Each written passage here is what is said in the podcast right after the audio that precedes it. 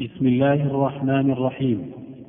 السلام عليكم ورحمة الله وبركاته. وبعد فهذا الدرس الحادي والعشرون من دروس فضيلة الشيخ سليمان بن ناصر العلوان حفظه الله تعالى المتضمنة شرح صحيح البخاري.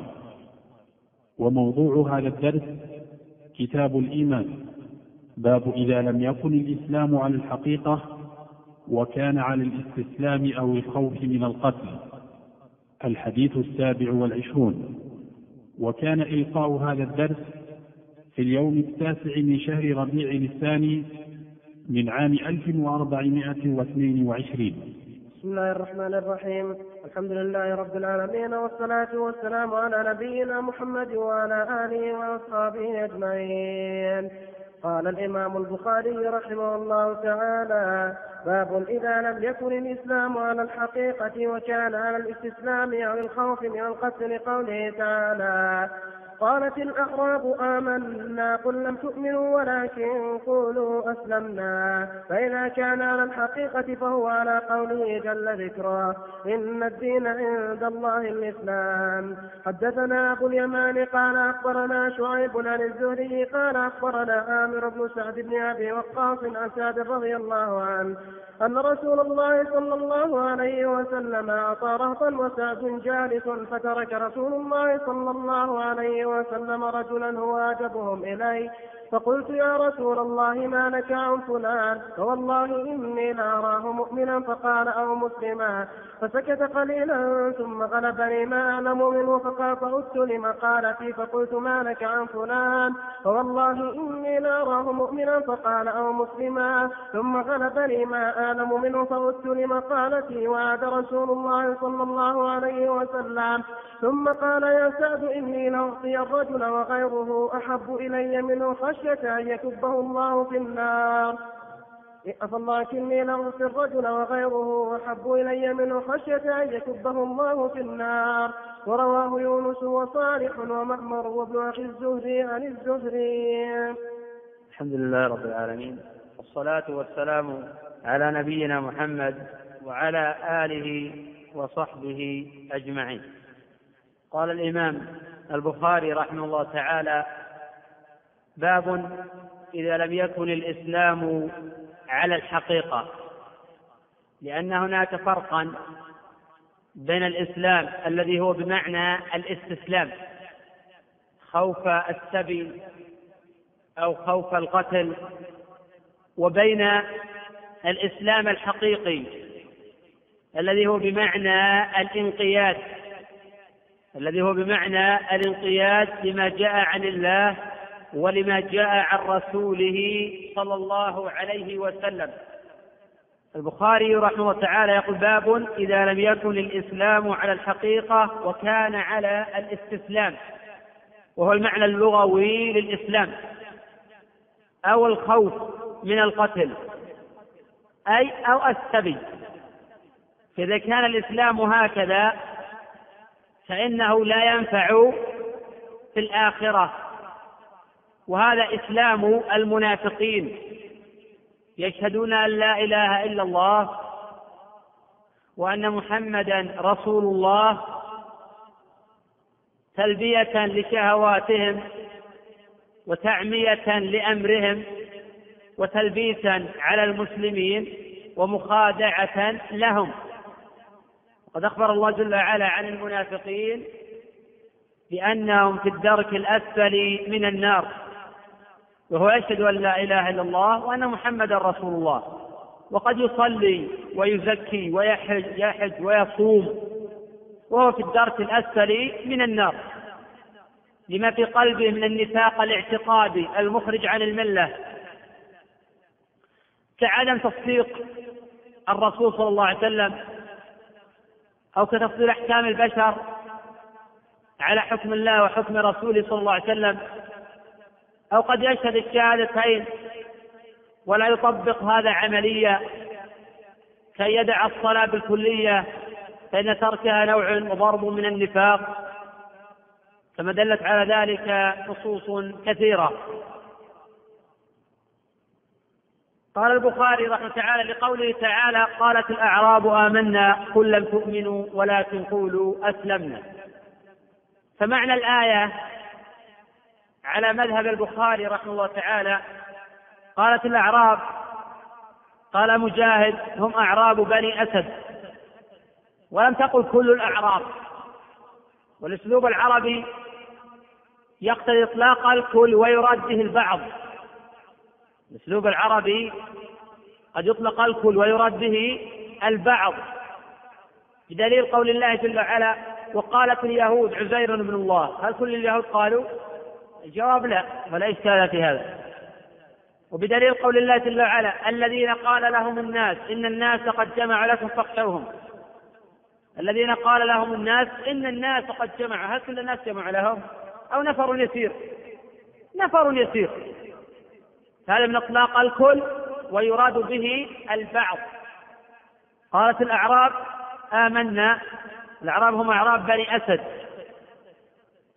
أي ادعوا الإيمان قل لم تؤمنوا. بمعنى لم تسلموا أصلا. وإنما قلتم أسلمنا خوفا من القتل. وقد كانوا منافقين. وهذا معنى قوله تعالى ولا تقولوا أسلمنا. بمعنى الاستسلام. وإلى هذا المذهب ذهب جماعة من أهل العلم. منهم سعيد بن جبير ومجاهد وهو اختيار البخاري كما هنا ومحمد بن نصر المروزي وجماعة من أئمة السلف. وهذا القول ضعيف. وخلاف ما قرره جماعة من الصحابة والتابعين وهو خلاف معنى الآية. فإنه لو كان المعنى ولكن أسلمنا بمعنى الاستسلام لما قال الله جل وعلا وإن تطيعوا الله ورسوله لا يلدكم من أعمالكم. فعلم أن الإسلام هو الإسلام الحقيقي. فالمعنى الصحيح للآية أن الأعراب ادعوا الإيمان المطلق. وهم قد أسلموا حديثا ولم يقوموا بكل واجبات الإيمان. فقال الله جل وعلا قل لم تؤمنوا. فالإيمان المنفي عن هؤلاء الأعراب هو الإيمان المنفي عن فساق أهل القبلة الذين لا يخلدون في النار. ونفي الإيمان والمقصود منه نفي البعض كثير في الكتاب والسنة. ولا سيما على معتقد أهل السنة والجماعة أنه إذا انتفى بعض الإيمان لا ينتفي كله خلافا للخوارج الذين يكفرون أصحاب الكبائر. ويستدلون بقوله صلى الله عليه وسلم لا يزني الزاني حين يزني وهو مؤمن. يقول هو مرتد عن الدين وهو مخلد في النار لأن النبي نفى عنه الإيمان. وهم لم يفهموا هذا المنفي أصلا. ولا يفرقون بين الإسلام والإيمان. ويجعلون الاسمين اسما لمعنى واحد. ولا تقولوا أسلمنا أي الإسلام. ولا تقولوا أسلمنا أثبت الله لهم الإسلام. إذ يطلق الإسلام فهو المقبول المخرج عن الكفر والنفاق. وهذا قول ابن عباس وأكابر أئمة السلف ونصره شيخ الإسلام تيمية رحمه الله تعالى. لأن الله جل وعلا لا يخبر عن هؤلاء بالإسلام ويكون الأمر على اختلاف حقيقتهم لأن الله مطلع على بواطن أمورهم. وإنما نفى عنهم الإيمان المطلق الإيمان الكامل الذي نسبوه لأنفسهم ولما يدخل قلوبهم. البخاري رحمه الله تعالى فسر الآية وفسر الإسلام بمعناه اللغوي لأنه رحمه الله لا يفرق بين الإسلام والإيمان. لأنه رحمه الله لا يفرق بين الإسلام والإيمان. فيقول الإسلام هو الإيمان. وهذا قاله طوائف من أهل السنة وهو مذهب الخوارج والمعتزلة وغيرهم. والناس في الإيمان انقسموا إلى أقسام. منهم من قال إن الإيمان هو الإسلام ومنهم من قال الإسلام هو الأعمال الظاهرة والإيمان الأعمال الباطنة. ومنهم من قال بالتفصيل. فإذا أطلق الإسلام دخل فيها الإيمان. وإذا اقترن معا صار لهذا تعريف ولهذا تعريف وهذا قول أكثر أهل السنة والجماعة. وهو اختيار شيخ الإسلام تيمية رحمه الله تعالى. والإيمان إذا أطلق عند أهل السنة والجماعة فالمقصود به قول وعمل قول القلب واللسان وعمل القلب واللسان والجوارح. بخلاف المرجئة الذين يقولون عن الإيمان بأنه قول واعتقاد وبخلاف غلاتهم الذين يقولون عن الإيمان بأنه التصديق أو الإقرار وبخلاف قول الكرامية الذين يقولون عن الإيمان بأنه القول. قال البخاري رحمه الله تعالى فإذا كان على الحقيقة فهو على قوله جل ذكره إن الدين عند الله الإسلام. البخاري يعني بأن الدين عند الله يعني بأن الإيمان عند الله الإسلام. وهذا قول محمد بن نصر المروزي في كتاب تعظيم قدر الصلاة. وهذا قول عامة من لا يفرق. وهذا قول عامة من لا يفرق بين الإسلام والإيمان. وكما تقدم انه قول طائفة من أهل السنة وهو مذهب الخوارج والمعتزلة. لكن الفرق بين مذهب الخوارج وبين مذهب البخاري يتلخص بما يلي. الأمر الأول أن الخوارج يقولون إذا ذهب بعض الإيمان ذهب كله. البخاري لا يقول بهذا. فنحن نقرأ منذ أسابيع الرد على الخوارج والرد على المعتزلة في تراجم الإمام البخاري. الأمر الثاني أن البخاري رحمه الله تعالى يرى أن الإسلام تدخل في أعمال الجوارح وتدخل في اعتقادات القلوب. بخلاف الخوارج والمعتزلة فلا يقولون بشيء من ذلك.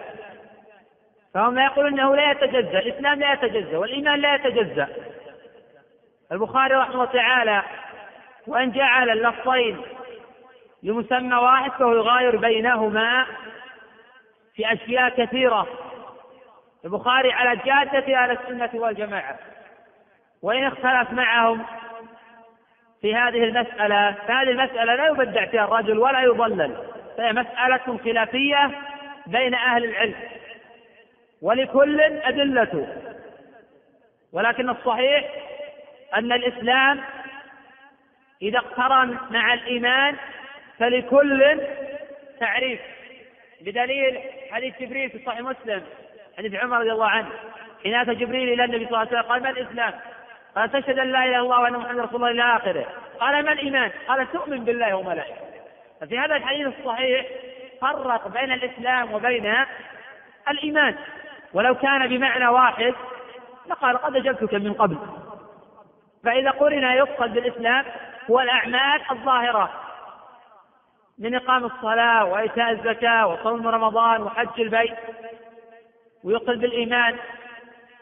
قول القلب واللسان وعمل القلب واللسان والجوارح. وإذا أطلق إذا أطلق الإسلام دخل فيها الإيمان. وإذا أطلق الإيمان فهو أعلى مرتبة من الإسلام. كما أن الإحسان أعلى مرتبة من الإيمان. قال البخاري رحمه الله تعالى فإذا كان على الحقيقة فهو على قول جل ذكره إن الدين عند الله الإسلام. قيل إن معنى الدين هنا هو الإيمان. فإن الإيمان عند الله الإسلام. وقيل المعنى إن الدين الذي هو جزء من الإيمان عند الله الإسلام داخل في مسمى الإسلام. وفي بعض نسخ البخاري في قوله جل وعلا ومن يبتغي غير الإسلام دينا فلن يقبل منه.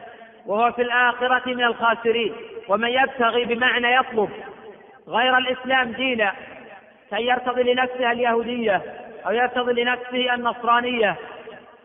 فقد ابتغى غير الإسلام دينا فلن يقبل منه وهو في الآخرة من الخاسرين أي الكافرين المارقين الذين يستوجبون الخلود في الجحيم. فالإسلام لا يقبل الله جل وعلا من أحد سواه. إن الدين عند الله الإسلام. هو سماكم المسلمين. يا أيها الذين آمنوا اتقوا الله حق تقاته ولا تموتن إلا وأنتم مسلمون.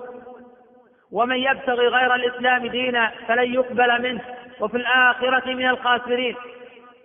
قال البخاري رحمه الله تعالى حدثنا أبو اليمان. تقدم الحديث عن أبي اليمان. ما اسمه؟ حاكم نافع. متى ولد؟ لا.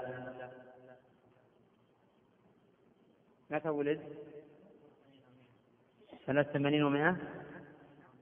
لا متى ولد؟ نعم سنة ثمان وثلاثين ومائة صبر متى توفي؟ سنة إحدى وعشرين أو اثنتين وعشرين ومائتين صحيح ثقة خرج له من؟ نعم صب قال أخبرنا شعيب تقدم أنه توفي سنة نعم وفي سنة ثلاث وستين ومائة وقد تجاوز السبعين عن الزوري متى ولد الزوري؟ إي نعم سنة خمسين وقد سنة اثنتين وخمسين متى توفي؟ سنة أربع وعشرين ومائة ضعيف ولا ثقة؟ ثقة كيف؟ أو في كلام؟ يعني ما مجمع على توثيقه خرج له الجماعة. قال أخبرنا عامر ابن السعد. وعامر سمع عن جماعة ومن جماعة من الصحابة رضي الله عنهم. وهو إمام ثقة. مات سنة أربع ومائة وقد خرج له الجماعة عن سعد أي عن والده سعد ابن أبي وقاص هو سعد بن مالك. ابن ابن أهيب ويقال وهيب. وهو أحد العشرة المشهود لهم بالجنة. يلتقي مع رسول الله صلى الله عليه وسلم في كلاب ابن مرة. أسلم قديما. أسلم قبل أن يبلغ العشرين. أسلم قبل أن يبلغ العشرين. وهاجر إلى المدينة قبل رسول الله صلى الله عليه وسلم. وشهد بدرا والمشاهد كلها. جاء في الصحيحين أن النبي صلى الله عليه وسلم جمع له أبويه. وواحد الستة الذين جعل عمر فيهم الشورى. وأخبر أن رسول الله صلى الله عليه وسلم توفي وهو عنهم راضي. وقد اشتهر أنه مجاب الدعوة. وله مناقب كثيرة وفضائل شريفة. مات في قصره بالعقيق. وحمل إلى المدينة على رقاب الرجال ودفن بالبقيع. وصلى عليه مروان ابن الحكم وذلك سنة خمس وخمسين على القول المشهور. وقيل قبل ذلك وقيل بعدها. وهو آخر العشرة المبشرين بالجنة وفاة وهو آخر العشرة المبشرين بالجنة وفاة. روى له الجماعة أن رسول الله صلى الله عليه وسلم أعطى رهط الرهط عدد من ثلاثة إلى عشرة. الرهط عدد من ثلاثة إلى عشرة. ولا واحد له من لفظه. ولا واحد له من لفظه. كالإبل الإبل لها واحد من لفظها. ما هي واحدة الإبل من لفظها؟ لكن لها من معناها. ما هو؟ بعير قوله سعد جالس. أي قد حضر ذلك. النبي صلى الله عليه وسلم كان يعطي كثيرا من أصحابه يتألف بذلك قلوبهم.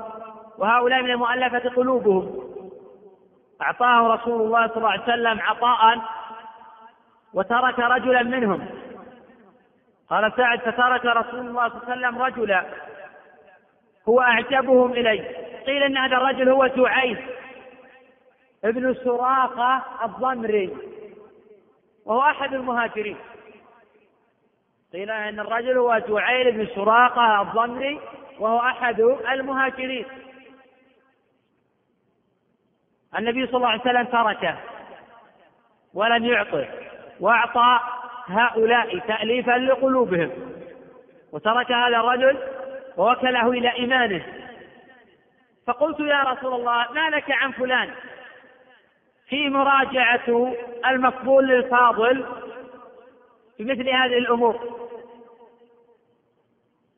وفي التأدب في السؤال.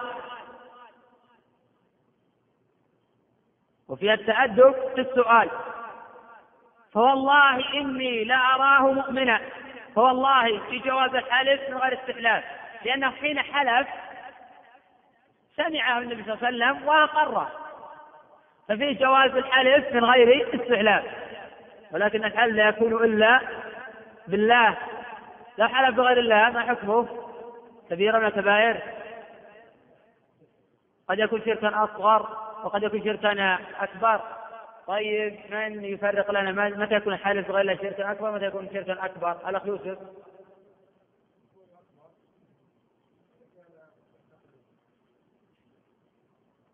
كيف يعني؟ يعني إذا حلف بغير الله تعظيما لهذا المخلوق أحلف بالله كاذبا حلف بالله كاذبا. قال احلف بالبدوي كاذبا قال لا ما أستطيع. أخشى أن يضرني. نقول بأن هذا شرك أكبر. نعم. اذا كانت كلمة دارجة على لسانه فهذا ضرب من الشرك الأصغر. وعلى كل الحلف بغير الله مجمع على تحريمه فوالله إني لاراه قرئ لاراه بالفتح. فيكون بمعنى لأعلمه مؤمنا. إني لأعلمه مؤمنا. وقرئ بالضم لأراه أي لأظنه جمع بينهما بعض أهل العلم فقال لأراه الظن هنا بمعنى اليقين. لأن الظن يأتي بمعنى اليقين. دليل من القرآن على ذلك؟ الأخ فهد؟ دليل من القرآن على الظن بمعنى اليقين. الأخ الذين يظنون أنهم ملاقوا ربهم أي يستيقنون أنهم ملاقوا ربهم وقيل إن بينهما فرقا فقد أطلق سعد ذلك على غلبة الظن لأنه لا يمكن يستيقن بأنه مؤمن. وقيل لا إنه قال لا أعلمه. بدليل أنه قال ثم غلبني ما أعلم منه. بدليل قوله في الحديث ثم غلبني ما أعلم منه. فقال أو مسلما أنكر عليه النبي صلى الله عليه وسلم الجزم بالإيمان. فقال أو مسلما أي لا تقطع بالإيمان. فليس لك الحكم إلا على الظاهر. فإن الإسلام أعم من الإيمان والإيمان أخص من الإسلام. فأثبت له النبي صلى الله عليه وسلم الإسلام وتوقف عن وصفه بالإيمان. وهذا دليل على التفريق. وهذا دليل على التفريق بين مسمى الإيمان والإسلام. عند الاقتران فمن قال هما سواء كان مخالفا للحديث. ولا بأس أن يقال ولا بأس أن يقال إن هذا الرجل الذي أثبت له النبي صلى الله عليه وسلم الإسلام دون الإيمان من جنس الأعراب المذكورين في الآية المتقدمة. وهذا القول أشار إليه شيخ الإسلام رحمه الله تعالى في كتاب الإيمان الأوسط. وهذا فيه إشكال. وهذا فيه إشكال إذا ثبت أن الرجل المذكور هو جعيل ابن سراقة الضمري فإنه من المهاجرين. فإن ثبت أن الرجل هو تعيل بن سراقة فكون النبي صلى الله عليه وسلم نهى سعدا عن الجزم والقطع بذلك ثبت أن الرجل هو تعيل فيكون النبي صلى الله عليه وسلم نهى سعدا عن القطع والجزم بذلك ولم ينهى عن وصفه بالإيمان إلا من أجل أن أنه جزم بذلك وإن لم يثبت. أنه جعيل فيكون هذا الرجل من جنس الأعراب المذكورين في سورة الحجرات. معه إسلام يتاب عليه. ولكن لم يأتي بالإيمان الواجب أو لم يفعل الإيمان الواجب حتى يطلق عليه ذلك بدون قيد. وقد زعم بعض العلماء أن الرجل كان منافقا. وأن النبي صلى الله عليه وسلم نفى عنه الإيمان وأثبت له الاستسلام دون الإسلام الحقيقي وهذا يرده آخر الحديث. فإن النبي صلى الله عليه وسلم قال إني لا أعطي الرجل وغيره أحب إلي منه. وقد قيل أيضا بأن مناسبة الحديث للترجمة أن إسلام الرجل هو بمعنى الاستسلام. فيكون هذا الرأي هو رأي البخاري. وهذا محتمل. ولكن الاحتمال الأقوى عندي أن البخاري ساق الحديث لبيان الإسلام إذا كان على الحقيقة. فالحديث يرجع لما بعد ذلك إذا كان على الحقيقة فهو على قوله جل ذكره إن الدين عند الله الإسلام وعلى الحديث الأول وقيل إن الحديث يرجع للمعنى الأول إذا لم يكن الإسلام على الحقيقة وهذا الذي فهمه غير واحد وفي نظر. إن كان البخاري يرى هذا فهذا ضعيف جدا. وإن كان البخاري لا يرى هذا فهو الأقرب في نظري. أنه يرى أن هذا الإسلام على الحقيقة. وإنما نهى النبي صلى الله عليه وسلم سعدا عن الجازم بذلك. فأراد البخاري يثبت الإسلام إذا كان على الحقيقة. ولكن يبقى أن هذا يكون ردا عليه حيث أنه لم يفرق بين الإسلام والإيمان. قوله فقلت يا رسول الله ما لك عن فلان؟ فوالله إني لا أراه مؤمنا. فقال أو مسلمة أو بالسكون. هنا الواو. يعني قل مسلمة ولا تقطع له بالإيمان. فسكت قليلا. الذي سكت هو سعد. قال سعد ثم غلبني ما أعلم منه.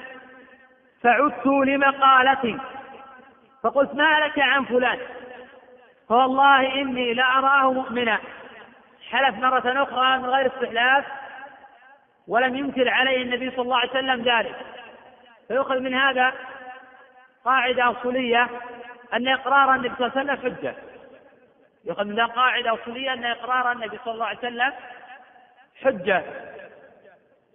وقد قيل وإن أقر قول غيره جعل كقوله كذاك فعل قد فعل وما جرى في عصره ثم اطلع عليه إن أقره فليتبع.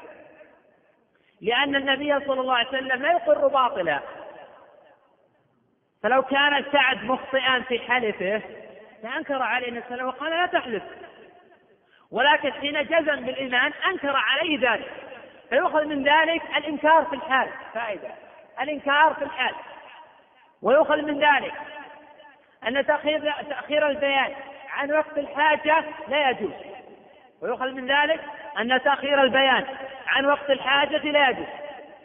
وأهل الأصول يفرقون بين تأخير البيان عن وقت الحاجة وبين تأخير البيان إلى وقت الحاجة. ما الفرق بينهما؟ نعم. الفرق بين تأخير البيان عن وقت الحاجة وبين تأخير البيان إلى وقت الحاجة؟ هذا عبد العزيز أنت؟ العزيز نعم يعني تأخير البيان عن وقت الحاجة أي أنه إذا حان وقت البيان فيجب بيانه لأنه لا يؤخر.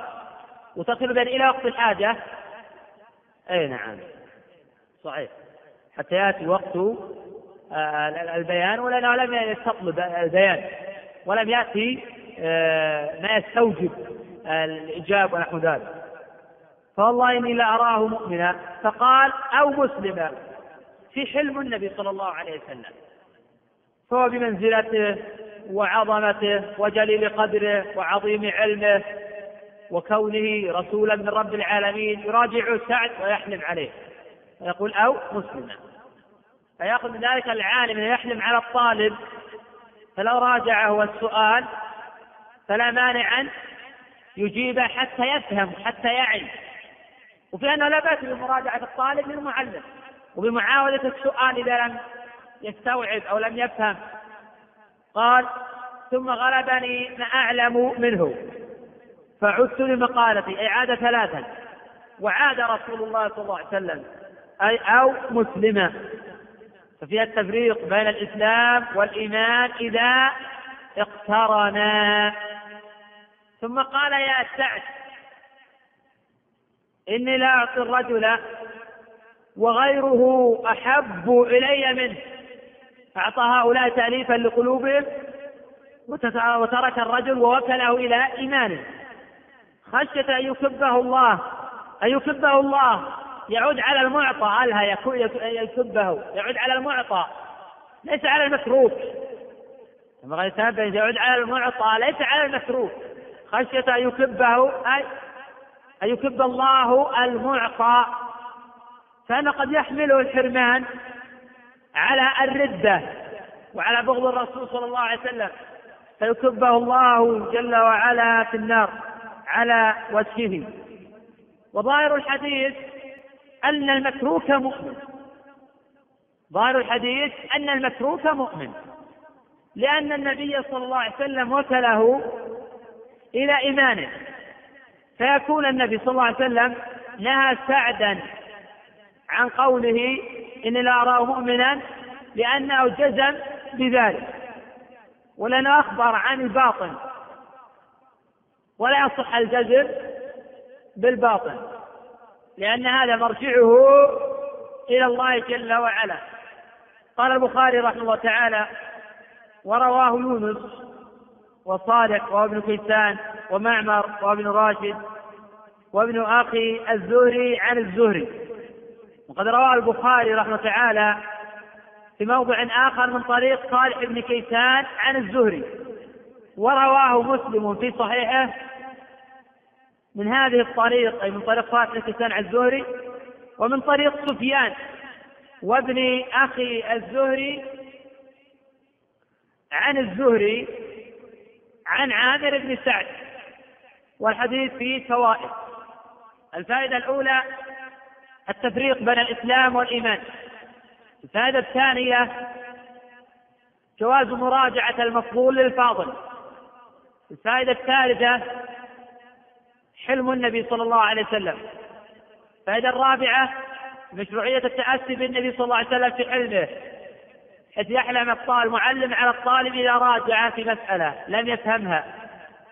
هذا الخامسة فيه الأدب حين السؤال. من الضروري أن الطالب إذا أراد يسأل يتأدب في عرض السؤال. هذا السادسة في جواز الحلف من غير استحلاف. فهذا السابعة في مشروعية تأليف قلوب الناس بإعطائهم شيئا من المال. فإن إمام المسلمين يتألف ضعفاء الإيمان فيبذل لهم من المال ما يقوي إسلامهم. فائدة الثامنة فيه صرف المال في مواضعه. فائدة التاسعة في عظيم علم النبي صلى الله عليه وسلم حيث أعطى هؤلاء ومنع هذا. فائدة العاشرة في أن المعطى لازم منه يكون أقوى إيمانا من المتروك فثبت أن المتروك أقوى إيمانا من المعطى لأن المعطى يعطى تأليفا لقلبه وهذا يترك ويوكل إلى إيمانه. فهذا الحديث عشرة في تفاضل أهل الإيمان. فإن الإيمان يتفاضل وهذا معتقد أهل السنة والجماعة. الثالثة عشرة فيها الرد على المرجئة الذي يقول بأن الإيمان هو مجرد التصديق والإقرار. فالثالثة عشرة فيها الرد على الخوارج الذي يقول إذا ذهب بعض الإيمان ذهب كله وهذا باطل. ما وجه الرد على الخوارج؟ ما وجه الرد على الخوارج؟ الأخ أي نعم. نفع عنه الجزم بذلك ولم يذهب ولم يكن كافرا. اي نعم. بقي على مسمى الإسلام. وإذا أطلق الإسلام لابد معه من إيمان. يصحح هذا الاسم ولا كان الإسلام آه، لغويا آه، فصار الرجل منافقا. اذا إذا ذهب بعض لا يذهب كله. هكذا إذا ذهب بعض لا يذهب كله. لكن في الأعمال في شيء منها ينافي أصل الإيمان في شيء ينافي من الكمال؟ الواجب. وفيه غير ذلك أيضا من الفوائد. منها أيضا في إثبات البعث. في إثبات البعث ما وجه ذلك؟ في إثبات البعث ألف نعم. اللي بعده. في إثبات البعث نقول من الحديث فيه دلالة على إثبات البعث ما وجه الاستنباط؟ اللي بعده. نعم. أن يكبه الله؟ أي نعم. وفي إثبات النار وأنها مخلوقة. وكذلك اي نعم. لأنها مخلوقات. لكن قد يعترض المعتزلة يقول هذا إذا خلقت يوم القيامة. ولكن في أدلة أخرى تثبت أن النار مخلوقة أنها موجودة. ما هو الدليل؟ نعم. حين صلى النبي صلى في صلاة الكسوف نعم. والحديث في الصحيحين. اي نعم. والحديث هذا متواترة عن النبي صلى الله عليه وسلم. بقي الحديث عن مناسبة الحديث للترجمة ومناسبة الترجمة لكتاب الإيمان. تقدم في أثناء الشرح شيء من ذلك لكن الآن أذكر عصارة ما سبق. يحتمل أن تكون مناسبة الحديث للترجمة. أن هذا الرجل كان إسلامه لغويا كإسلام الأعراب على مذهب مجاهد وسعيد بن جبير وعلى مذهب البخاري وعلى مذهب محمد بن نصر المروزي جماعة من السنة. فيكون النبي صلى الله عليه وسلم نفى عنه الإيمان بالكلية وأثبت له الإسلام الذي يعصم الدماء والأموال لأنه أسلم في الظاهر خشية السد وخشية القتل. فيكون الحديث مربوطا بقول البخاري إذا لم يكن إسلامه على الحقيقة ويحتمل أن يكون البخاري ذكر الحديث لبيان الإسلام الحقيقي فيكون مرتبطا بقوله فإذا كان على الحقيقة فهو على قول جل ذكره أن الدين عند الله الإسلام ولقوله من يبتغي غير الإسلام دينا فلن يقبل منه. ومن يبتغي غير الإسلام دينا فلا يقبل منه وفي الآخرة خاسرين. وهذا الأقرب لأن الرجل هذا كان مسلما إسلاما حقيقيا بل كان فيه إيمان. بنص قوله صلى الله عليه وسلم إني لا أعطي الرجل وغيره أحب إلي منه. ولكن نهى النبي صلى الله عليه وسلم سعدا عن جزمه له بالإيمان لأن الإيمان أمر باطني فلا ينبغي الجزم به. ومناسبة الحديث لكتاب الإيمان التفريق بين الإسلام والإيمان وأن الإسلام الإسلام يتجزأ كالإيمان. فإن الإيمان يزيد بالطاعة وينقص بالمعصية. وقد يزول بالكلية أن تكون المعصية شركا بالله أو تركا لجنس العمل أو غير ذلك. والله أعلم. نعم. نعم.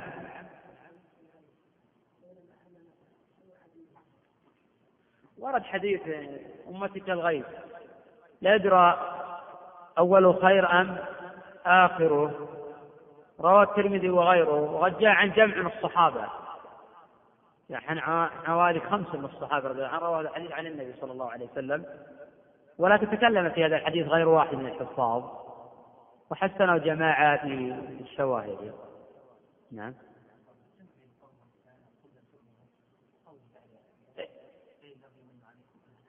اي نعم.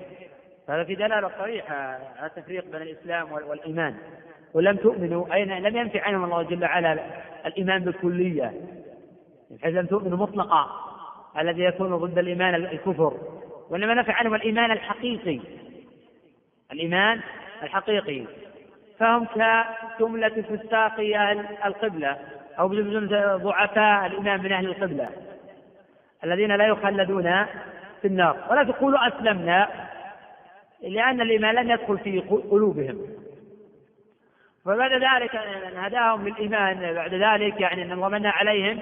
هنا الإيمان يطلق بمعنى الإسلام. الله هو الذي هداكم للإسلام. بدلالة أن الإسلام هو الحقيقي الذي معه إيمان. ولكن هذا الإيمان كان ضعيفا. نعم. اي نعم. إن الإسلام في إسلام اعراب لغوي نعم. نعم. هذا الحديث يحتمل يحتمل أحد أمرين. إن الإسلام هو اللغوي إذا قلنا إن الحديث مربوط إذا لم يكن الإسلام على الحقيقة. وإذا كان على الحقيقة فيكون الإسلام على الشرع هو الذي استظهرته. نعم.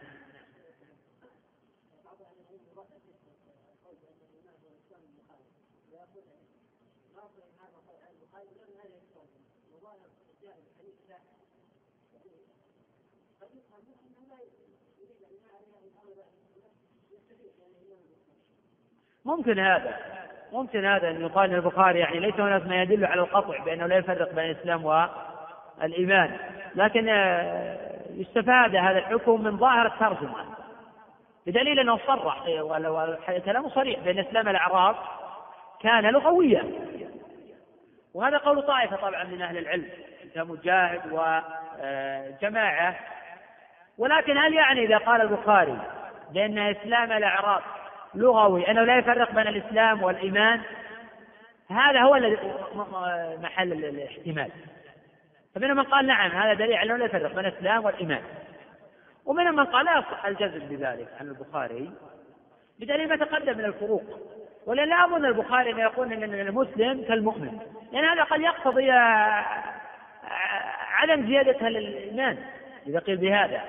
وأن إذا ذهب بعض الإيمان ذهب كله. ولكن هذا في نظر حتى هذا نقول لا يلزم لأن الإسلام يتجزأ كالإيمان على الصحيح. الإيمان يتجزأ كالإيمان. وعلى كل هو قول طائفة من أهل السنة صرح فيه محمد بن نصر وصرح فيه جماعات أن الإسلام آه، بمعنى آه، الإيمان. ولكن القطع صحيح أنه لا يمكن الجزم بقوة أن هذا مذهب البخاري. ولكن الذي نجزم به أن البخاري يرى أن إسلام الأعراب لم يكن إسلاما حقيقية وهذا صريح الترجمة. وعلى أنه كما تقدم لا يعاب الرجل بهذا لأنه قول لأهل العلم قول أهل السنة إذا فهم المراد إذا فهم المراد. وقد يقال أيضا أن البخاري يرى أن الإسلام والإيمان إذا أفرد أحدهما عن الآخر. أما إذا قرن المقصود به التقصير كما أورد الحديث. فأورد الحديث على التفريق بما إذا قرن. وهذا محتمل أيضا. نعم.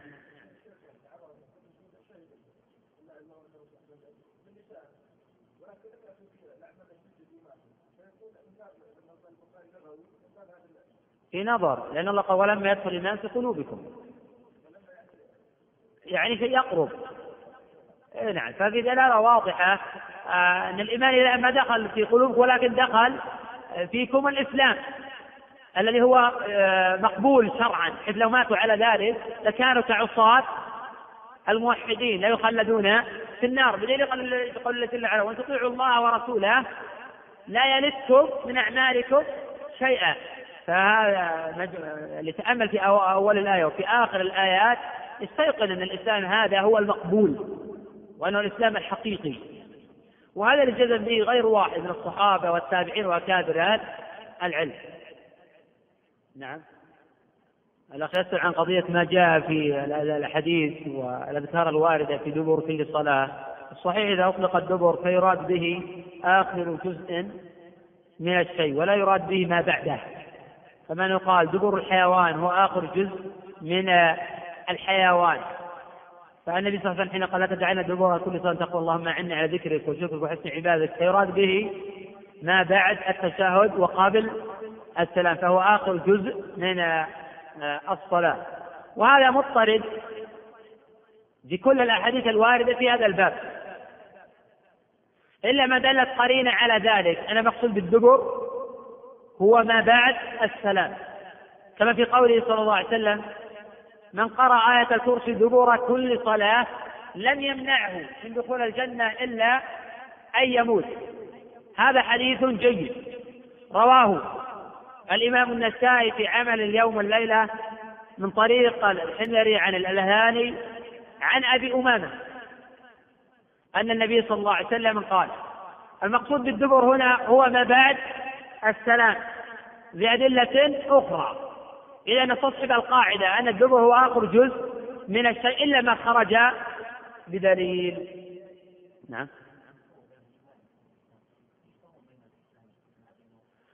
الذين قالوا بأن الإسلام هو الإيمان وأنه بمعنى واحد. يقولون بأن الإسلام قول وعمل واعتقاد ويجعلون أن الإيمان يتفاضل.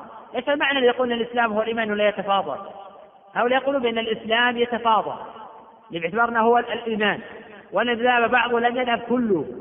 ويقولون بأن الإسلام يطلق على أعمال الجوارح. وأعمال الجوارح لا تصح إلا بصدق القلب. وهذا هو الإيمان. ويعرفون الإيمان بأنه قول وعمل.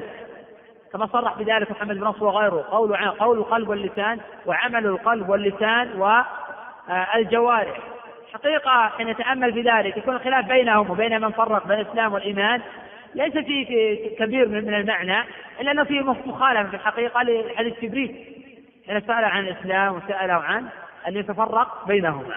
وفي مخالفة أنه يطلق هذا هل يدخل في إذا قرن يلزمهم ماذا يقولون إذا قرن؟ إذا يقول هذا عام وهذا خاص وصحيح أنهم إذا قرن يطلق الإسلام على المعنى يطلق على معنى الجوارح. على أعمال الجوارح. والإيمان على ما هو قول القلب واعتقاد القلب. وقول القلب يطلق به اعتقاده. وعمل القلب يطلق به إخلاصه ونيته وصدقه ومحبته وخوفه ورجاؤه. فالإيمان هو إذا أطلق قول القلب واللسان وعمل القلب واللسان والجوارح ويدخل في ذلك الإسلام أم لا؟ إذا عرفنا الإيمان لأن قول وعمل قول القلب واللسان. وعمل القلب واللسان والجوارح يدخل في الإسلام أم لا؟ أجب. يدخل في الإسلام. يدخل في الإسلام بدليل القول والعمل. لأن الإسلام لا يصح إلا بالنطق بالشهادتين والإسلام لا يصح إلا بأعمال الجوارح. فدخل في تعريف؟ الإيمان. نعم. نعم. الإيمان الأعراب نعم عندهم أصل الإيمان. يشهدون لا إله إلا الله آه، معتقدين بصدق ذلك ويشهدون محمد رسول الله معتقدين بصدق ما جاء به النبي صلى الله عليه وسلم. لكن الإيمان مجرد أن أسلم ادعوا دعوة أنهم مؤمنون. أي ما ما جاء الجهاد هل جاهدتم؟ هل قاتلتم الكفار كما قاتل غيركم؟ لأن إذا نكلوا عن القتال صاروا ضعفاء إيمان ولا يكفروا بذلك. أي نعم الإيمان المقيد.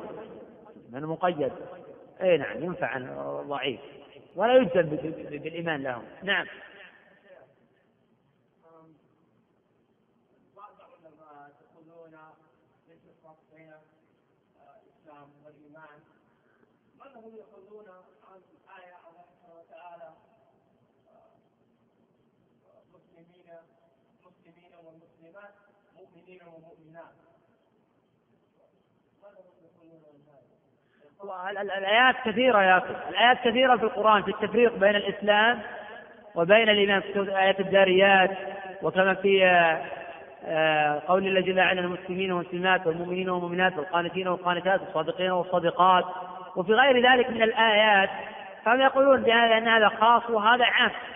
وهم يقولون هذا هو بمعنى هذا. فالإسلام هو بمعنى الإيمان بدين قول جل وعلا الدين عند الله الإسلام. ففي الدين هنا بمعنى الإيمان.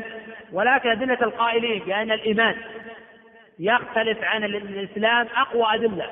والصحيح أن الإيمان في الإسلام إذا قرن بالإيمان صار للإسلام معنى وللإيمان معنى آخر.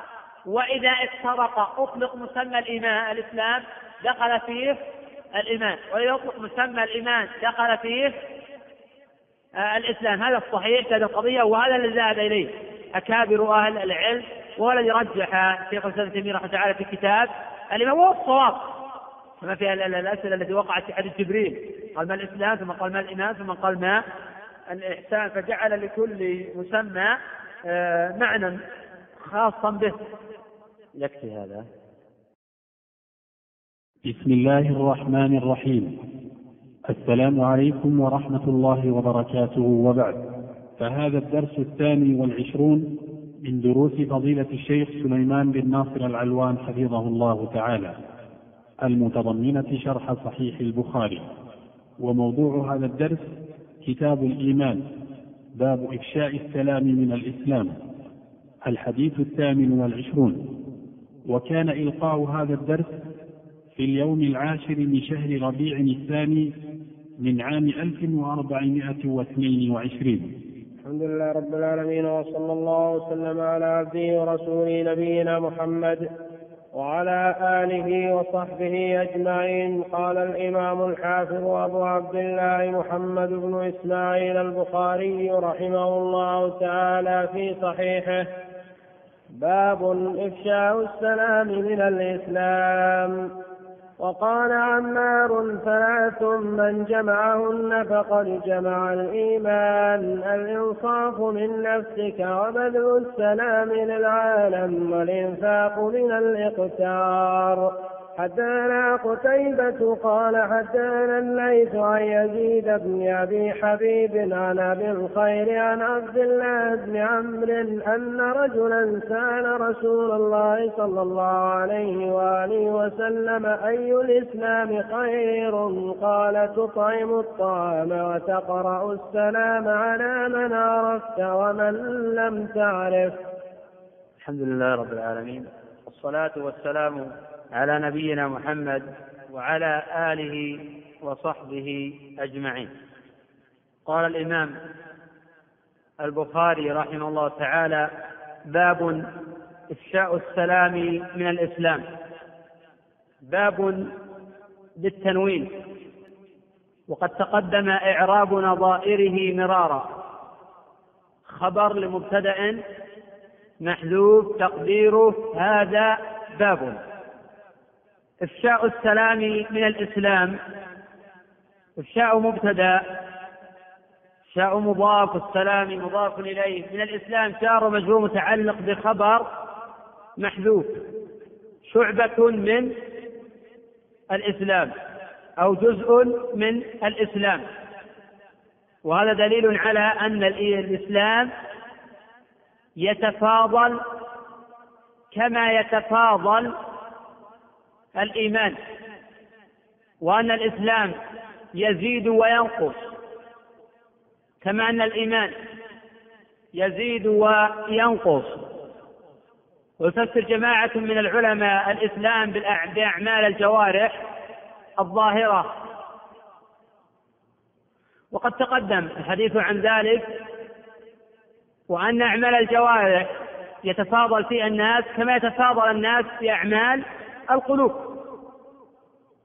فإن التصديق الذي في القلب يختلف من شخص إلى آخر. كما قال أبو بكر المزني رضي الله عنه ما سبقهم أبو بكر بكثرة الصوم ولا صلاة ولكن سبقهم بشيء وقر في قلبه. الإمام البخاري رحمه تعالى ذكر في هذه الترجمة أن إفشاء السلام من الإسلام. ولم يقل رحمه تعالى من الإيمان مع أن عمارا قال ثلاث من جمعهن فقد جمع الإيمان. هذا يحتمل أحد أمرين.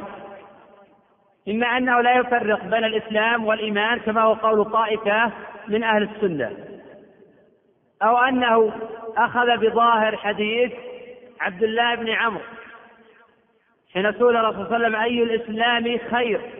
قال تطعم الطعام وتقرأ السلام. بمعنى أن تفشي السلام على من عرفت ومن لم تعرف. ويمكن يقال بأن هذا هو الأقرب. وإفشاء السلام مما يحبه الله ويحبه رسول الله صلى الله عليه وسلم. لأن هذا يقتضي سلامة القلوب من الغل ولأن هذا يغيظ الشيطان ولأن هذا يبعث المحبة بين المؤمنين. ومن هنا جاء في صحيح الإمام مسلم من حديث أبي معاوية ووكيع عن الأعمش عن أبي صالح عن أبي هريرة أن النبي صلى الله عليه وسلم قال لا تدخلون الجنة حتى تؤمنوا. ولا تؤمنوا حتى تحابوا.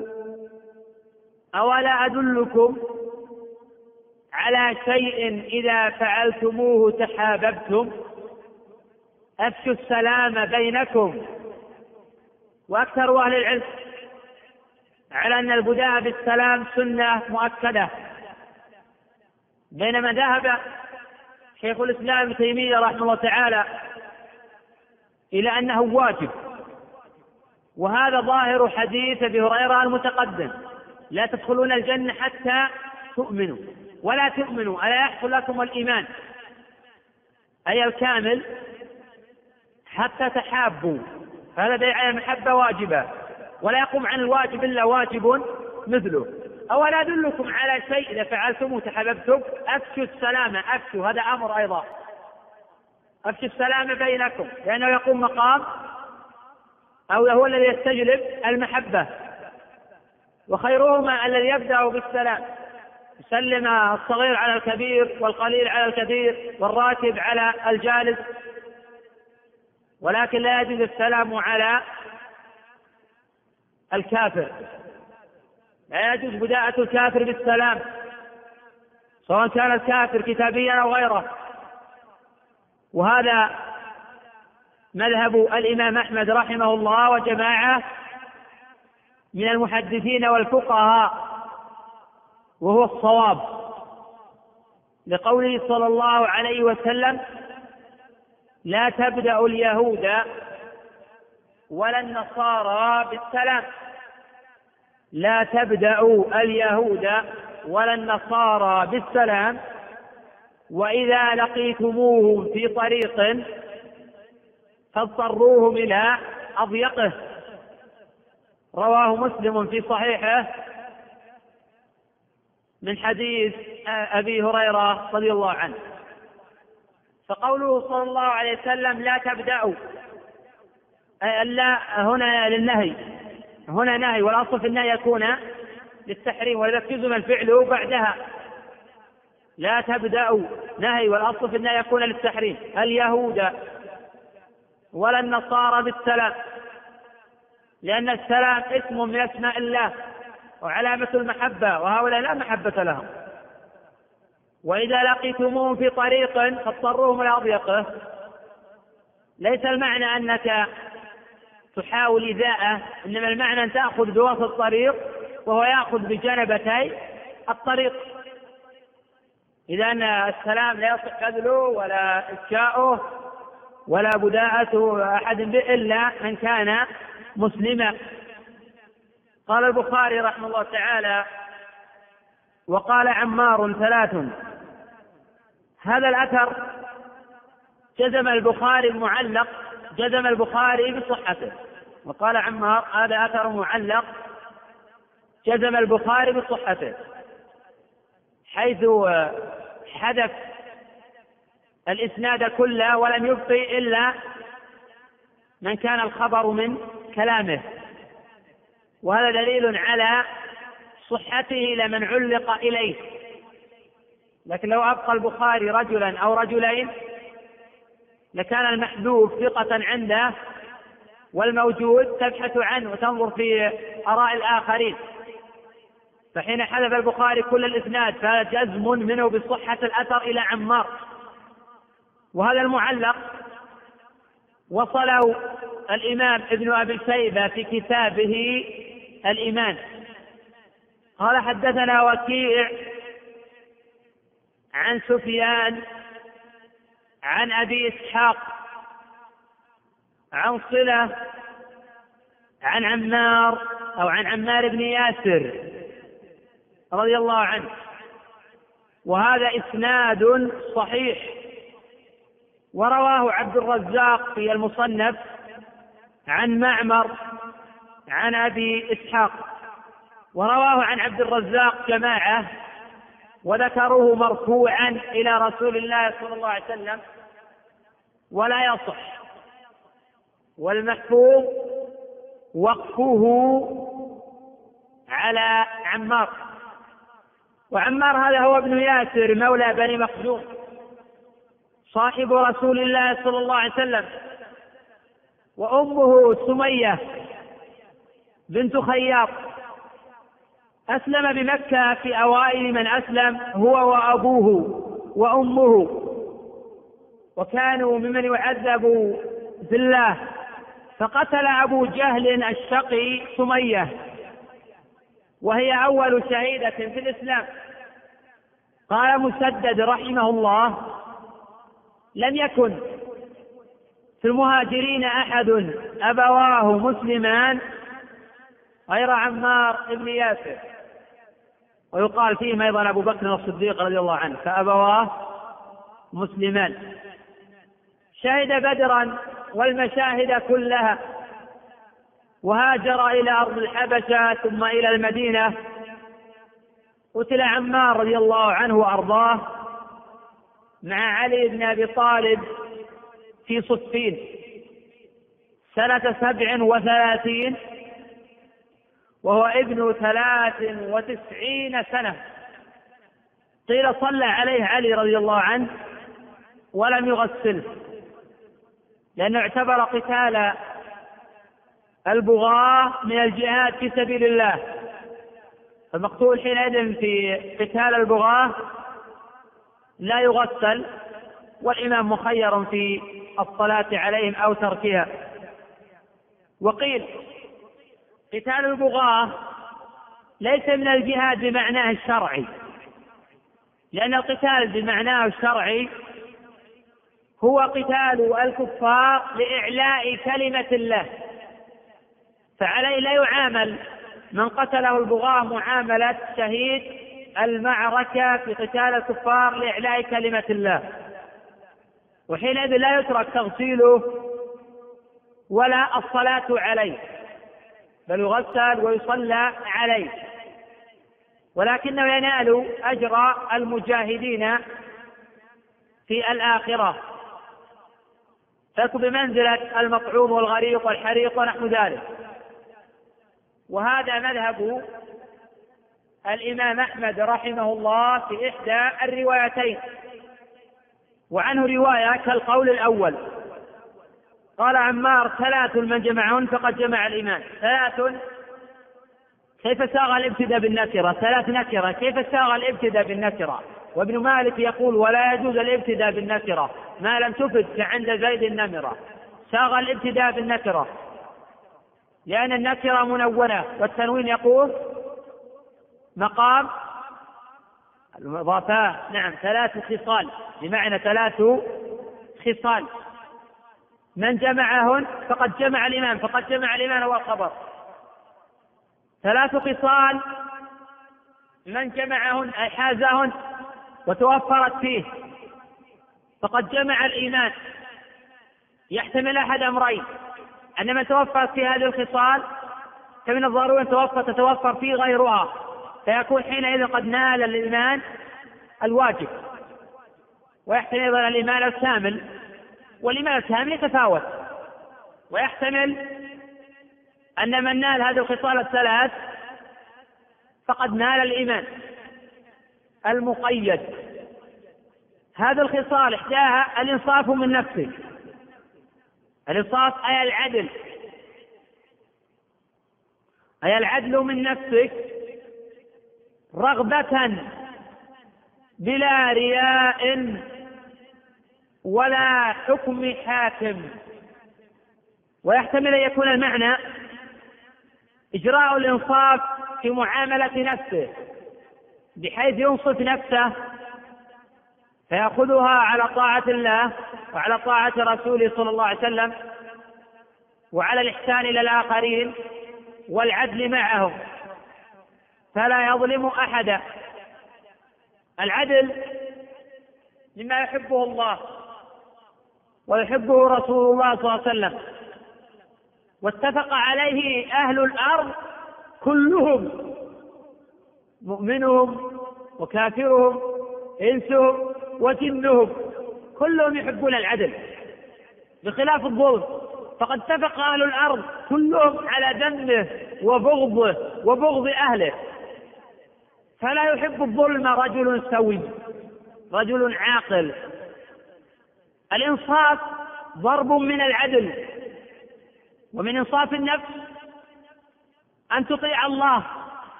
فلا يفقدك حيث أمرك. ولا يراك حيث نهاك. ومن إنصاف النفس أن تصدق رسول الله صلى الله عليه وسلم فيما أخبر وأن تطيعه فيما أمر وأن تجتنب ما عنه نهى وزجر. ومن الإنصاف أن تعدل مع الناس أن تعدل مع الزوجة أن تعدل مع الأولاد أن تعدل مع الآخرين.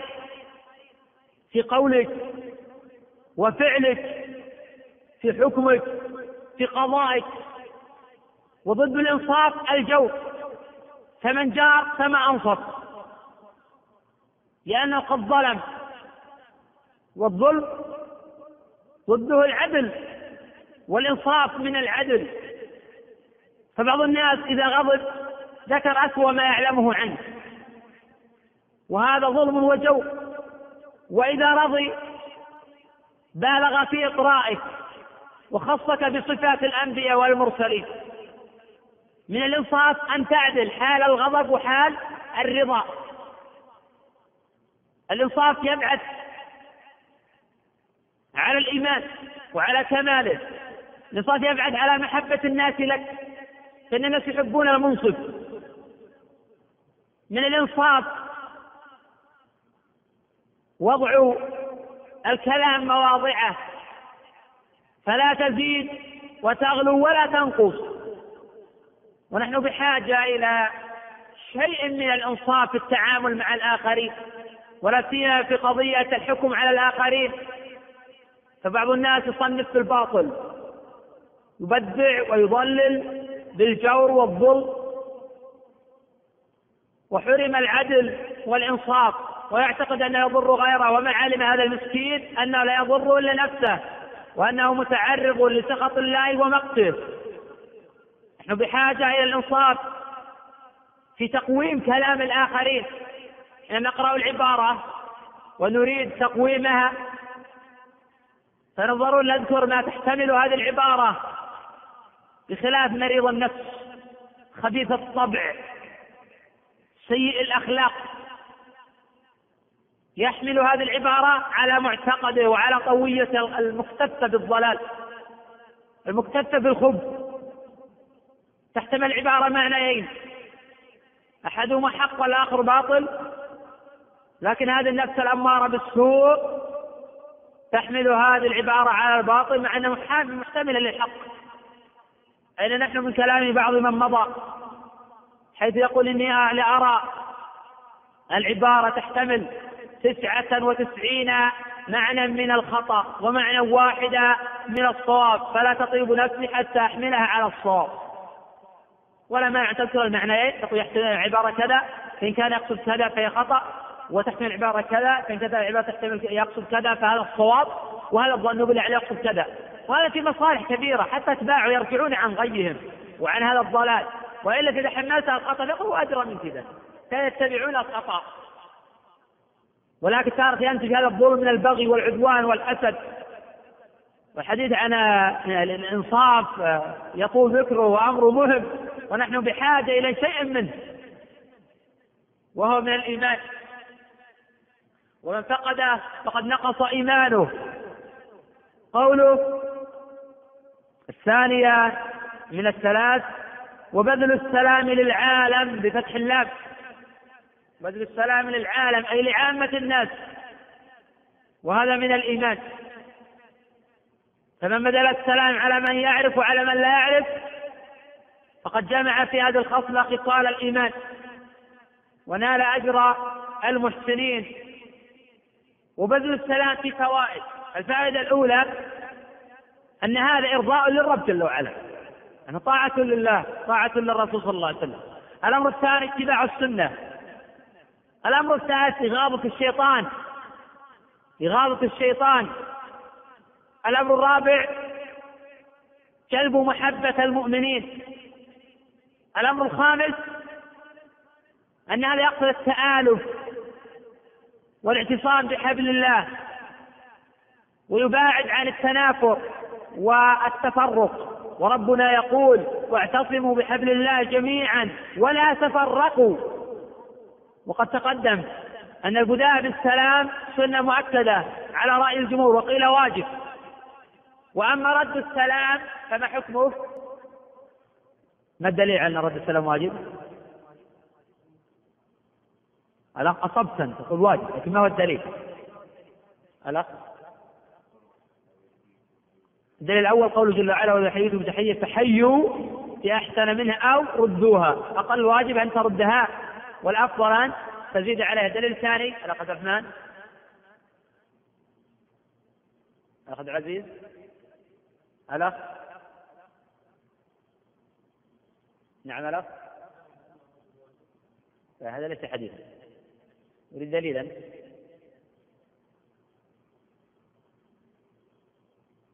نعم.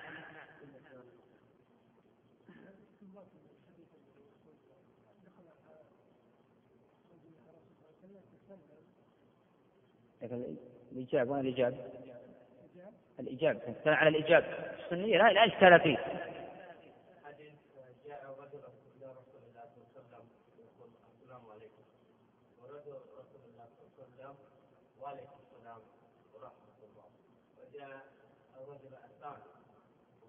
إيه هذا يقصد السنية وين الإجابة؟ إيه السنة أنت السنية ما في خلاف إيش الدليل على أن الرد واجب؟ لا لا هذا غير دليل ليس هذا دليل. فعل النبي صلى الله عليه وسلم يقصد السنية لكن الآية صريحة في الوجوب ومن الأدلة أيضا الإجماع الذي حكاه غير واحد. ومن الأدلة أيضا نعم. اي نعم. وش الدلالة؟ نعم. يحققون في بعضهم على بعض وأنه إذا سلم عليك فواجب عليك أن تكافئه. هذا واضح. نعم هذا من الأدلة أيضا. حق المسلم على المسلم ست. الحديث من رواه متفق عليه. إذا السلام سنة مؤكدة ورد واجب. وقيل السلام واجب ورد واجب. أفشوا السلام بينكم بدءا وإجابة. وهذا يقتضي الإجابة. لأنه إذا كان البدء بالسلام مأمورا به فلا يؤمر به. الرد من باب أولى. وقد تقدم استثناء الكفار من ذلك. لكن إذا مررت على قوم أخلاق الأخ إذا مررت على قوم أخلاق في مسلمون وكافرون ماذا أقول؟ أقول سلام على من اتبع الهدى أو ماذا أقول؟ الأخ نعم. أي نعم. أتدري؟ نعم. ما يسلم. ولا. إي نعم. يقول السلام على من اتبع الهدى. وكلاكما خطأ. نعم. الأخ يقول لا يسلم وهذا خطأ لا شك فيه. والآخر يقول سلام اتبع الهدى وهذا خطأ واضح. لأن السلام من الهدى يخص بها الكفار. إذا الأخ نعم. إيش الدليل؟ إنه يقول السلام عليكم ورحمة الله. لأن أنا حين نفيت القولين معلومة بقي قول واحد. إذا فمن الضروري نطالب بالدليل لننظر لننظر هل هذا عن استدلال أو عن تجاوز القولين السابقين. الأخ عبد العزيز سبقنا منذ ثمانية أبواب تكلمت على هذه القضية بتوسل وتتبدل نعم. أن المرء على قوم أخلاق تسلم عليهم. نعم. والحديث من رواه؟ رواه؟ نعم. في البخاري وغيره. إذا إذا مر على قوم كفار أو كتب إلى كافر قال سلام على من اتبع الهدى. وكما قال موسى والسلام على من اتبع الهدى. وكما كتب النبي صلى الله عليه وسلم إلى عراق سلام على من اتبع الهدى. وإذا مر على قوم مسلمين قال السلام عليكم ورحمة الله وبركاته. وإذا مر على قوم أخلاق يسلم على المسلمين يسلم ينوي به المسلمين ولكن يقول السلام عليكم ورحمة الله وإن شاء زاد وبركاته. الخصلة الثالثة الإنفاق من الإقتار. والمقصود بالإقتار الحاجة. قال الله جل وعلا ويؤثرون على أنفسهم ولو كان بهم خصاصة. الخصاصة الحاجة. أثنى الله جل وعلا على هؤلاء بكونهم يؤثرون على أنفسهم يبذلون النفع لغيرهم ويبذلون المال للآخرين ويبذلون الطعام لإخوانهم من المسلمين. مؤثرين به إخوانهم على أنفسهم وهذا دليل على كمال الإيمان ولو كان بهم حاجة إلى هذا المال. قال الله جل وعلا مثل الذين ينفقون أموالهم في الله كمثل حبة أنبت سبع سنابل في كل سنبلة مئة حبة والله يضاعف لمن يشاء. وقال تعالى الذين ينفقون أموالهم بالليل والنهار سرا وعلانية فلهم أجرهم عند ربهم ولا خوف عليهم ولا هم يحزنون. وفي الصحيحين من حديث أبي هريرة أن النبي صلى الله عليه وسلم قال ما من يوم يصبح فيها العباد إلا وينزل ملكان فيقول أحدهما اللهم أعطي منفقا خلفا ويقول الآخر اللهم أعطي ممسكا سلفا قال الله جل وعلا وما أنفقتم من شيء فهو يخلفه. وما أنفقتم من شيء من شيء وما ما نافية هنا ما نافية وما أنفقتم من شيء شيء نكرة شيء نكرة في سياق النفي تفيد العموم.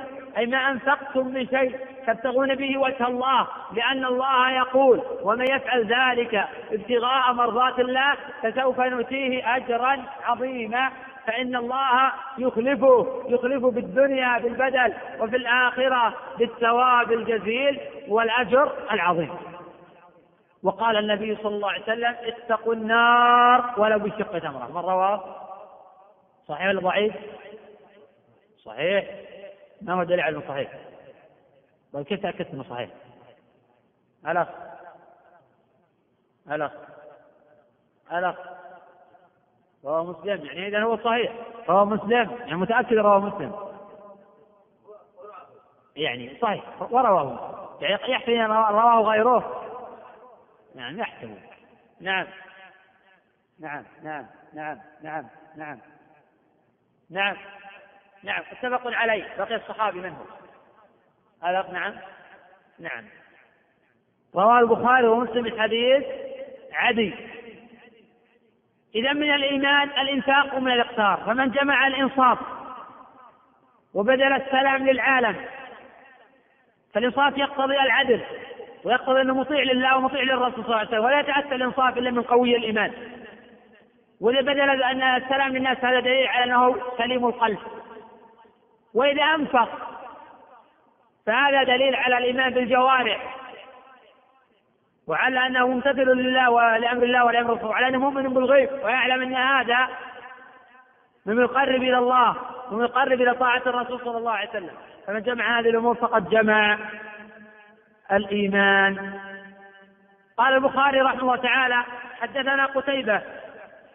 قتيبة هذا هو ابن سعيد بن جميل الثقفي وهو أبو رجاء البلخي. ولد سنة ثمان وأربعين ومائة ولد سنة ثمان وأربعين ومائة وذلك السنة مات الأعمش. وقيل ولد سنة خمسين ومائة السنة التي ولد فيها الإمام الشافعي.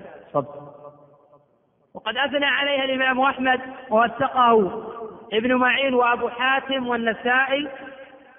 قال قتيبة رحمه الله تعالى كنت في حداثتي أطلب الرأي.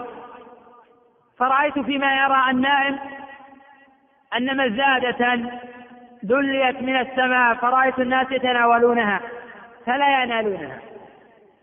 فجئت أتناولها فجئت أنا فتناولتها فاطلعت فيها فرأيت ما بين المشرق والمغرب. فلما أصبحت جئت إلى مخضع البزار وكان بصيرا بتعبير الرؤى. فقصصت عليه رؤياي فقال يا بني عليك بالأثر. فقال يا بني عليك بالأثر أي بالحديث. فإن الرأي لا يبلغ المشرق والمغرب إنما يبلغ الأثر. فتركت الرأي وأقبلت على الأثر نعم. دين النبي محمد أخباره نعم المطية للفتى آثار. لترغبن عن الحديث وأهله. الرأي ليل والحديث نهار. ولربما جعل الفتى أثر الهدى والشمس بازغة لها أنوار. وقد مات قتيبة رحمه الله سنة أربعين ومائتين وخرج له الجماعة. قال حدثنا الليث. الليث هذا ابن سعد إمام أهل مصر. وقد تقدم الحديث عنه. ولد ولد متى ولد؟ أن يجيب سنة أربع وتسعين. توفي الليث من يجيب؟ من ما ما يجيب إلا الأول؟ في غيره؟ نعم.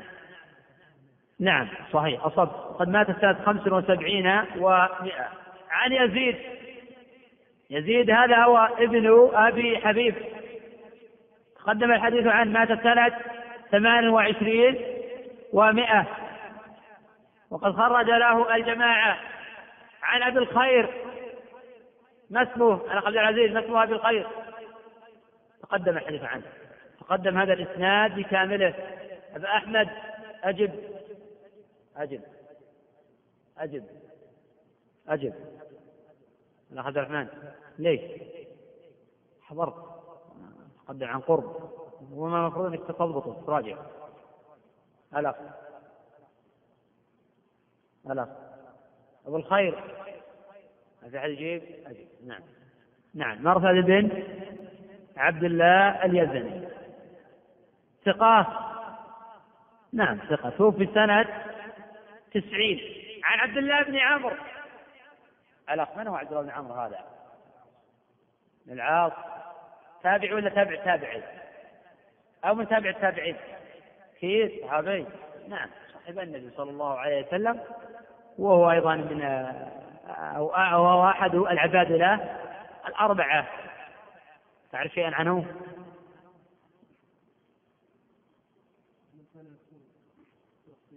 نعم كان كثير العبادة كثير التهجد وكان فقيها نعم وقد حفظ عن النبي صلى الله عليه وسلم شيئا كثيرا وكان يكتب آه، الحديث. متى توفي؟ نعم. 63 نعم. توفي سنة سنة 63 وقيل سنة 65 رواه الجماعة. أن رجلا سأل رسول الله صلى الله عليه وسلم أي الإسلام خير؟ أي تقدم؟ أن لا تدخل على إلا على متعدد. أي تقدم أن لا تدخل على متعدد. إذا كيف دخلت على الإسلام؟ الأخ كيف دخلت على الإسلام؟ قلنا أي لا تدخل على متعدد. كيف دخلت على الإسلام؟ في جواب آخر. يعني في شيء محذوف تقديره أي خصال الإسلام خير. إذا أي الإسلام خير في هذا دليل على الإسلام يتفاضل. يتفاءلوا يتفاضلون في الإيمان. ويتفاضلون في الإسلام. ففي ذلك الرد على المرجئة والرد على الخوارج. آه الأخ ما هو اسم الرد على المرجئة؟ حيث يقول أن الإيمان لا يزيد ولا ينقص. ونحن نعلم أن الذي فعل هذه الخصلة قد زاد إيمان إذا ما وش الرد على الخوارج الأخ عزيز؟ إيه يبعضون. يقول ذهب بعض ذهب كل واحد نعلم أن الذي فقد. هذه الخصلة أنه ولا يدخل ولكن قد يكون ناقصا الإيمان. أي الإسلام خير. قال تطعموا الطعام. تطعموا الطعام. وإطعام الطعام منه ما هو واجب ومنه ما هو مستحب. طعام الطعام منه ما هو واجب ومنه ما هو مستحب. طعام الأولاد ما حكمه؟ هذا من الواجبات. وبذل الطعام في الجملة على من لا تعلم فقره نعلم أن هذا مستحب. ولكن لو كنت أعلم رجلا فقيرا لو كنت أعلم رجلا فقيرا وأعلم أنه ليس هناك أحد يبذل له الطعام وقد وسع الله عليه فما حكم انفاق هنا. الصحيح أنه يعتبر واجبا. وليس المؤمن الذي يأكل جاره جائع كما قال ذلك عبد الله بن مسعود. الله جل وعلا قال ويطعم الطعام على حبه مسكينا ويتيما وأسيرا. وقد قال جماعة يفسر بأن الأسير هنا هو الكافر. قد قال تعالى ينهاكم الله عن الذين لم يقاتلوكم في الدين ولم يخرجوكم من دياركم أن تبروهم وتقسطوا إليهم. إذا كان هذا محمودا في حق الكافرين الذين لم يقاتلوننا الذين لم يقاتلونا ولم يخرجونا من ديارنا فلا يكون هذا محمودا ومسنونا في حق المسلمين من باب أولى. لأن بعض الناس يمتنع على الإنفاق على المسلمين إذا كان فيهم عصيان. ونحو ذلك وهذا غلط. إلا إذا تأكدت وتيقنت أنه يبذل هذا المال في شراء معاصي أو فيما يعين على معصية. وأما إذا كذا تعلم فالأصل أنك تبذل له. شيء الطعام ما معنى أنك تبذل له ما دام مسلما. ولأنك لو لم تبذل الله وامتنع عنه الثاني والثالث والعاشر للجأ إلى الحرام. ونحن نعلم قصة الرجل الذي يتصدق على سارق يتصدق على زانية وعلى غاني قبلت صدقته حين كان لا يعلم ذلك مع أن هذا يقول أنه من الصدقة الواجبة. والحديث متفق على صحة من حديث أبي هريرة. فعلى كل يقول الصدقة الواجبة فقد قبلت صدقته وهذا واضح. إذا بذل الزكاة لمن يظن محتاج فبار خلافه فقبل الزكاة على الصحيح. وإذا كانت الصدقة المستحبة فهذا واضح جدا أيضا. فلا مانع أن أعطي امرأة بغية لعل تستعف في هذا الإنفاق عن الزنا. لا مانع أن أبذل لمكان في طبقتها لعلهم يستعفون عن الحرام بالحلال. إطعام الطعام من أسباب حسن الخاتمة وما يحبه الله ويحبه رسوله صلى الله عليه وسلم. من أسباب زيادة الإيمان من أسباب غاضة الشيطان.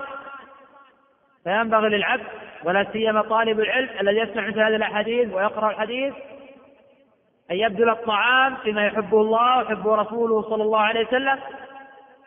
وقد جاء في الصحيحين أن الله جل وعلا قال أنفق أنفق عليك. وقد كان نبينا صلى الله عليه وسلم يعطي عطاء من لا يخشى الفقر. فلو لم تكن في كفه غير روحه لجاد بها فليتق الله السائل. في البخاري معلقة سوف يمر بنا إن شاء الله في كتاب الزكاة. أبو بكر رضي الله عنه أنفق كل ماله. حين سأل رسول الله ماذا أبقيت لأهلك؟ قال أبقيت لهم الله ورسوله صلى الله عليه وسلم. قوله وتقرأ السلام على من عرفت ومن لم تعرف. أي لا تخص السلام بأهل معارفك كما يفعله كثير من الناس. لا يسلم إلا على أصدقائه وأقاربه الذي لا يعلم ويمر به فلا يسلم عليه وهذا غلط. وقد جاء في مسند الإمام أحمد أن من شرط الساعة السلام على المعرفة ولكنه ضعيف ولا يصح. إذا مشروع للمسلم أن يفشي السلام ولا يخص به أهل المعرفة بل يسلم على من عرف وعلى من لم يعرف. ولا يمتنع من بدء السلام إلا على الكفرة. وهل يسلم على العصاة؟ نعم يسلم على العصاة. ما لم يقصد بذلك هجرهم. وزجرهم. حيث يمتنع عن السلام للهجر حيث يكون هذا كالدواء للمريض. وكذلك إذا مررت على صاحب فسق ويباشر الفسق قد أمتنع من السلام عليه وقد أسلم عليه كي يقبل نصيحتي ووعظي أنا قد لا أسلم عليه يقول لماذا بدأت السلام فتكون القضية بيني وبينه هي الحديث عن السلام. حين يسلم عليه لأسلم من مجالدته مجالدته بالباطل وحينئذ أشرع معه في النصيحة. وقد أمتنع من السلام عليه لأسباب. عموما آه، يراعى في ذلك مصلحة. الشاهد من سياق الحديث وتقرأ السلام على من عرفت ومن لم تعرف. إذا في مشروعية إفشاء السلام. إذا ما هو الشاهد من سياق الحديث لكتاب الإيمان نعم يا عبد الرحمن. نعم. إذا أي الإسلام خير وأن بدل السلام من خصال أهل الإسلام إذا في دليل على زيادة الإيمان وأن إفشاء السلام من زيادة الإيمان وأن ترك ذلك من نقصان إذا في دليل على معتقد أهل السنة والجماعة أن الإيمان يزيد وينقص. وهذا الحديث رواه ابن مسلم رحمه الله تعالى في صحيحه. قال حدثنا قتيبة حدثنا الليث حاء وحدثنا محمد بن رمح أخبرنا الليث عن يزيد إلى آخره. والله أعلم. نعم.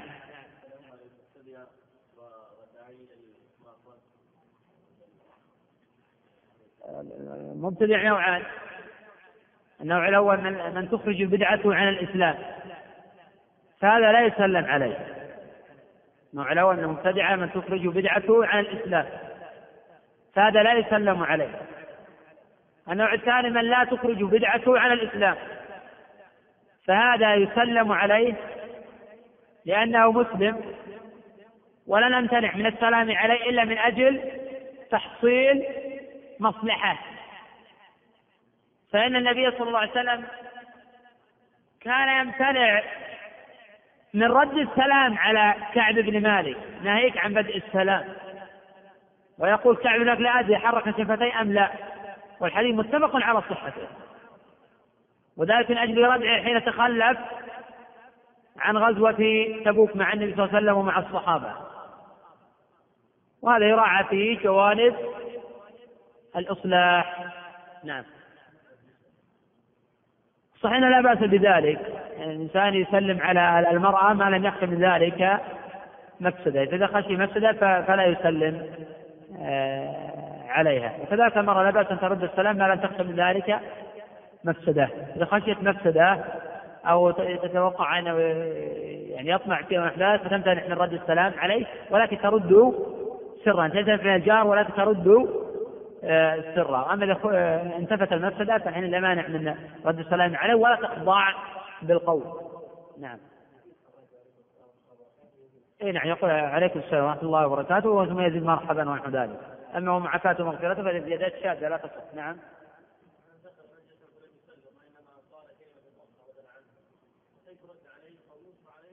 يوجه نعم من دخل على قوم فلم يسلم يوجه لكن هناك لكن هناك فرق بين السلام وبين المصافحه فإن بعض الناس يجهل هذه القضية صار إنه إذا سلم ضروري أن يصافح هذا غلط.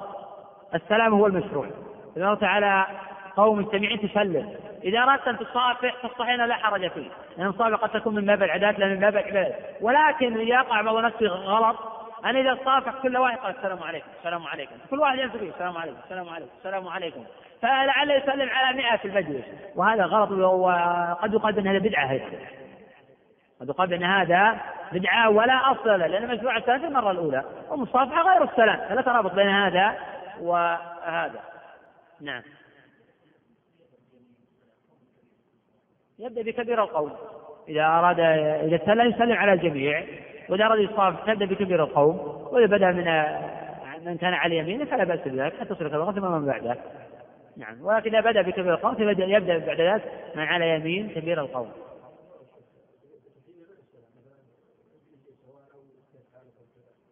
لا بأس بالسؤال عن حال الكافر. المنع عن ذلك السلام لما كنت تسأل عن حاله فلا بأس بذلك. آه، وأما قضية آه، ما يقصد تعظيم الكفار من الألفاظ ونحو ذلك فيجب الابتعاد عن ذلك. بدايته باللغة الإنجليزية تفهم من الكلمة والكلمتين ويتخذ ذلك عادة؟ فلا بأس بذلك لأن النبي صلى الله عليه وسلم قال يا أم خالد هذا السنة يعني حسن باللغة الحبشية والحديث الصحيح. وعلي رضي الله عنه قال قالون أي جيد باللغة الرومية. فلا بأس في التعامل بالكلمة والكلمة. أما اتخاذ ذلك عادة فهذا ينهى عنه عند أهل العلم ينبغي إظهار اللغة العربية التعامل باللغة العربية إفشاء اللغة العربية. وعلى كل فأي لفظ يقتضي تعظيم الكافر فيجب الابتعاد عنه. وما لا يقتضي تعظيمه فلا بأس بالتعامل به مع الكافر. نعم. الإشارة بالسلام إذا سلم فلا بأس أن يشير بيده. أما يشير بدون السلام فهذا غلط. ولا يشير إلا إذا رأى أقواما بعيدين عنه يخشى أنه لا يسمعون ونحو ذلك. فحينئذ يشير لكن يحدث السلام باليد لكن مع السلام. أما إذا إشار بدون السلام فهذا غلط ولا يستحق جواب هذا لأنه لم يسلم. نعم.